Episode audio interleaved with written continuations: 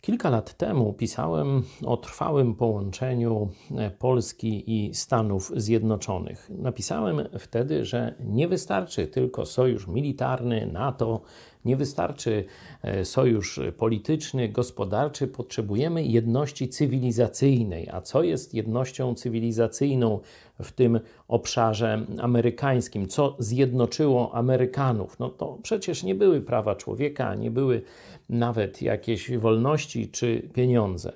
E, fundamentem cywilizacji amerykańskiej jest Biblia, a można bardziej precyzyjnie powiedzieć osoba Jezusa Chrystusa. To, to, to, ludzie nowonarodzeni stworzyli podwaliny tego narodu i oni napędzali go przez całą jego chwalebną historię.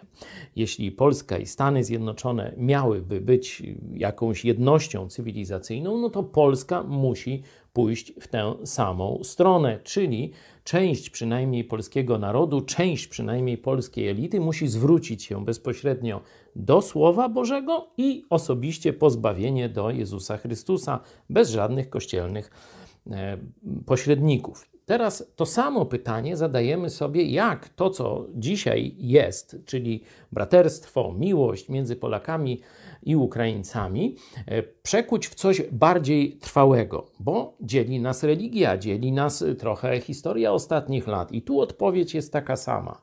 To nawrócona do Jezusa elita polska i ukraińska, to ta część narodu polskiego i ukraińskiego, która odda swe serce osobiście Jezusowi Chrystusowi, będzie tworzyła podwaliny tej przyszłej jedności cywilizacyjnej, braterstwa trwałego między Polską a Ukrainą.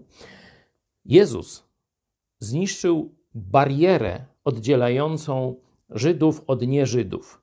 Dokładnie to samo, list do Efezjan, ma się teraz stać na, między Polakami a Ukraińcami, by, nas sojusz, by nasz sojusz był naprawdę trwały.